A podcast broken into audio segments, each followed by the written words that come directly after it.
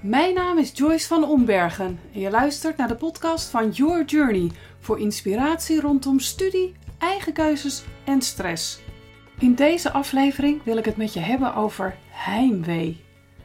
Wat is heimwee eigenlijk? Nou, als ik Wikipedia erop nasla, dan zegt het heimwee. Dat is eigenlijk een samenvoeging van heim en wee. En heim staat dan voor woonplaats of huis en wee voor pijn. Dan is het dus het pijnlijke gemis van thuis, het gevoel van verlangen naar huis of algemener gezegd naar de geborgenheid en de zekerheden van het bekende. Het speelt vooral op, uh, in op onbekende plekken, dus bijvoorbeeld op vakantie, maar ook na een verhuizing kan heimwee grip op je krijgen. Nou, prachtig om te weten wat het betekent. Maar wat betekent het voor jou? Heb je wel eens last gehad van heimwee?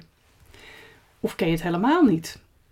Ik werk, zoals je weet, veel met jongeren samen. En uh, vaak als we intakes doen voor bijvoorbeeld stages die we voor ze regelen, of ook voor de coachingsprogramma, waarbij ze dan een wat langere tijd deze kant op komen, stel ik altijd de vraag: Ben je bekend met heimwee?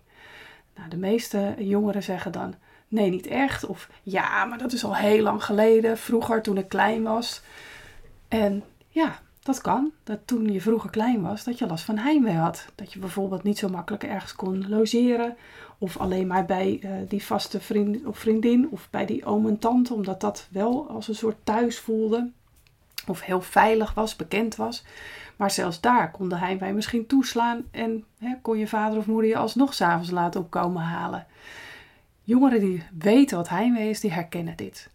Nou, om heel eerlijk te zijn, ik heb ontzettend veel last van heimwee gehad toen ik klein was. Dus ik kon niet makkelijk logeren, zomaar overal. Dat moest dan echt bij mijn nichtje zijn, die ik heel goed kende, en haar ouders dus ook. Of uh, ja, op vakantie had ik daar ook wel last van. Wanneer ik het meeste last van heimwee heb gehad, is toen ik uh, eh, 15 was. Toen uh, ben ik een maand als au pair naar Engeland gegaan. Nou, super stoer natuurlijk, maar ook wel een beetje jong. Want 15, ja, ja, je lijkt wel heel oud, maar eigenlijk ben je natuurlijk nog hartstikke kind. Ik mocht toen twee weken van school vrij. Uh, we hadden twee weken paasvakantie, dus al met al ben ik daar een maand geweest.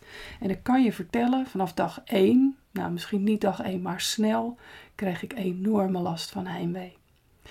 Hoe uitte zich dat? Nou, ik kon alleen maar aan thuis denken. Ik dacht echt dat alles leuker en beter was thuis. En uh, ik wilde thuis zijn. En ja, bij mijn moeder of bij mijn zussen, mijn vader, vrienden, vriendinnen. Dus ik was constant met thuis bezig en werd daar heel verdrietig van.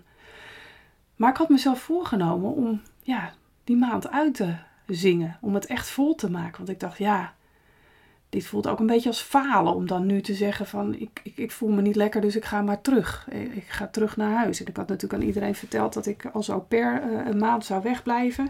Ja, dat voelde toch een beetje als, uh, als een mislukking dan, hè, om terug te gaan.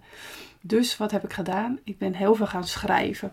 Ik heb uh, op latere leeftijd mijn dagboek eens teruggevonden. En toen dacht ik, oh, het was echt heel erg. Ik heb echt heel veel geschreven over ja, hoe ik me voelde. En dat hielp wel. Dat hielp enorm.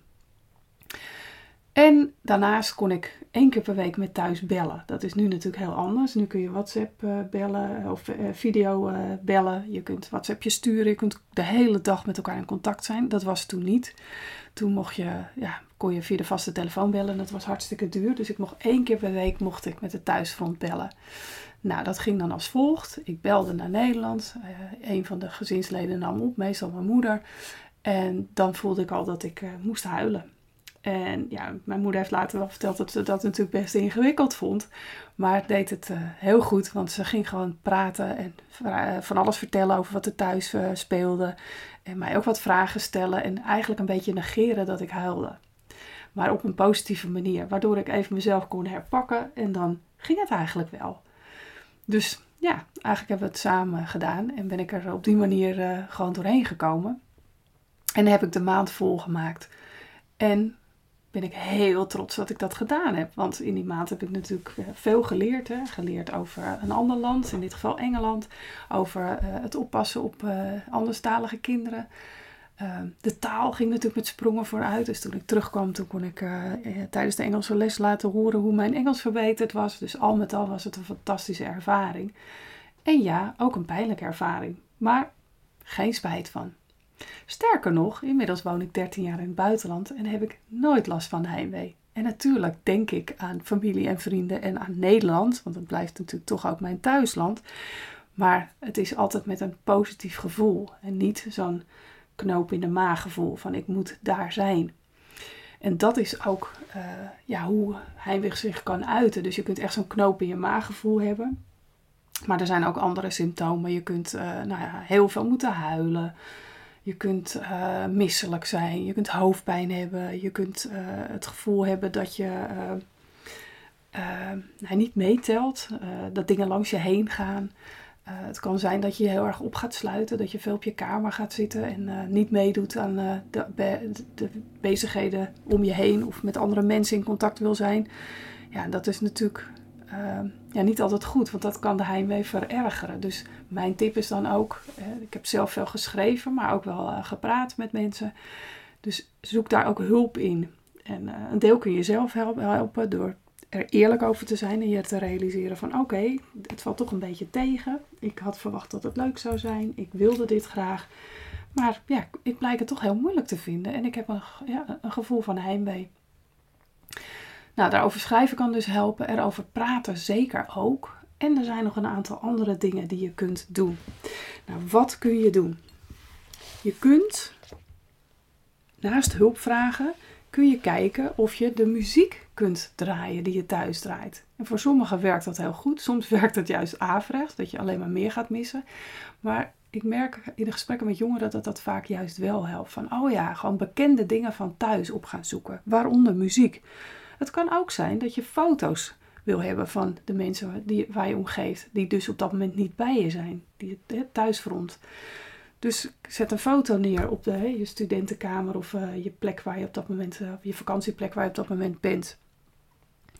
Foto's uh, kunnen ook weer averechts werken. Als je te veel hè, door je telefoon zit te scrollen op de foto's van thuis, dan kan het het gevoel van heimwee wellicht versterken. Maar voor sommigen werkt het juist heel goed en hebben ze het gevoel van hé, hey, diegene is nu juist heel dichtbij me door even naar die foto te kijken. Dus kijk voor jezelf wat werkt. Verder kun je bijvoorbeeld een geurtje van thuis uh, meenemen of op zoek gaan naar. Je, je, misschien ben je vergeten je favoriete parfum of oude toilet mee te nemen. En geef je dat gewoon het gevoel van thuis zijn of een bepaalde wasmiddel zelfs, hè, de geur van je kleding. Ehm, het kan zelfs zijn een kussen. Er zijn, uh, ik ken jongeren die hun kussen hè, om te slapen gewoon meenemen, omdat dat een stukje van thuis is. Nou, dan hebben we natuurlijk de ouderwetse knuffel, wat de meeste jongeren niet willen toegeven, maar er zijn er zeker die dat ook doen, die gewoon hun knuffel van vroeger of van thuis meenemen en daar uh, zich door ja, prettiger voelen en veilig voelen. Dat is het ook vaak. Hè? Het, gevoel van je ergens thuis voelen heeft ook met een stukje veiligheid te maken. En op het moment dat je je niet thuis voelt, ja, dan kan het een soort stressreactie uh, activeren. Nou, wat is het dat dat doet? Ja, dat zijn toch de, de, de dingen die om je heen anders zijn. Het onbekende. Dus bijvoorbeeld andere geuren in een ander land. Hè, die kunnen heimwee triggeren maar ook een heel ander ritme in de dag. Dus stel dat je stage loopt in het buitenland, dan kan het zijn dat je in één keer heel andere werktijden hebt, andere leeftijden ook. Dat je uh, dus ander ritme qua hè, de dagindeling uh, kan anders lopen. Dus denk bijvoorbeeld aan op andere tijden eten. Dus die hele structuur kan vaak veranderen door op een andere plek te zijn en zeker in een ander land. Dus daar, het kan ook helpen om daarnaar te kijken van kan ik wat meer structuur van thuis terug inbrengen in mijn dag? Of kan ik me gewoon aanpassen aan de nieuwe structuur, waardoor ik uh, weer meer structuur überhaupt voel? En dat kan gewoon helpen bij uh, weer wat meer rust krijgen en minder last van heimwee hebben. Want als alles zeg maar anders is, dan heb je gewoon minder stabiliteit in jezelf. En dat is eigenlijk ook waar de oplossing zit. Want op het moment dat jij je veilig voelt, dat je je steady voelt, hè, dat je het gevoel hebt van uh, ik zit goed in mijn vel, dan ben je eigenlijk thuis bij jezelf. En je kunt je lichaam eigenlijk zien als je thuis, als je huis en waar je ook goed voor moet zorgen. En op het moment dat je bijvoorbeeld heel erg aan het piekeren bent door heimwee, dan ben je eigenlijk alleen op de zolder van je huis aanwezig. Je hoofd is dan de zolder van het huis. En op het moment dat je de rest van je lijf gaat bewonen, de rest van het huis gaat bewonen, dan ga je jezelf ook, ja, ga je meer thuis voelen en ga je ook meer eh, landen op de plek waar je bent. Dus nou, hoe doe je dat? Nou, dat kun je doen door bijvoorbeeld uh, goede ademhalingsoefeningen te doen. Het kan ook heel simpel door even je aandacht naar je voeten te brengen. En gewoon tijdens het lopen, bijvoorbeeld door een nieuwe stad, tegen jezelf te zeggen: Goh, nou, ik loop in, ik noem maar wat, in mijn geval Malaga. En ik voel me hier thuis door dat soort dingen tegen jezelf te zeggen. Ehm, meditatie kan helpen. Uh, met andere mensen erover praten en vragen van, goh, hoe heb jij dat gedaan? Hoe ben jij je ergens thuis gaan voelen? Want voor iedereen is dat nu helemaal anders. En je realiseren dat je niet de enige bent die dit ervaart, is vaak ook heel helpend. Want ik weet ook dat veel jongeren denken dat ze, dat ze met bepaalde dingen, dat ze de enige zijn die met bepaalde dingen struggelen. Dus ook heimwee. Maar neem van mij aan, dat is niet zo. Er zijn echt veel meer mensen die uh, last van dit soort dingen hebben.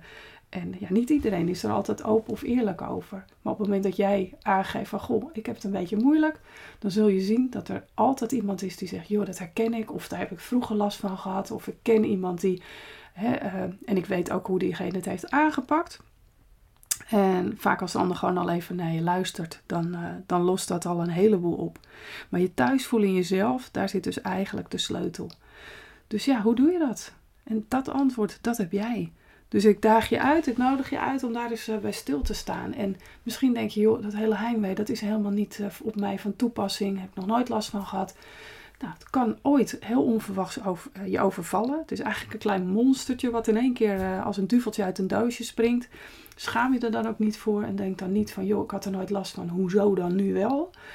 En misschien komt het nooit, heb je gewoon die mazzel, maar ken je iemand in je omgeving die er wel last van heeft, of je ziet dat diegene er last van krijgt. Nou, dan heb je nu allemaal tips om uh, diegene te helpen.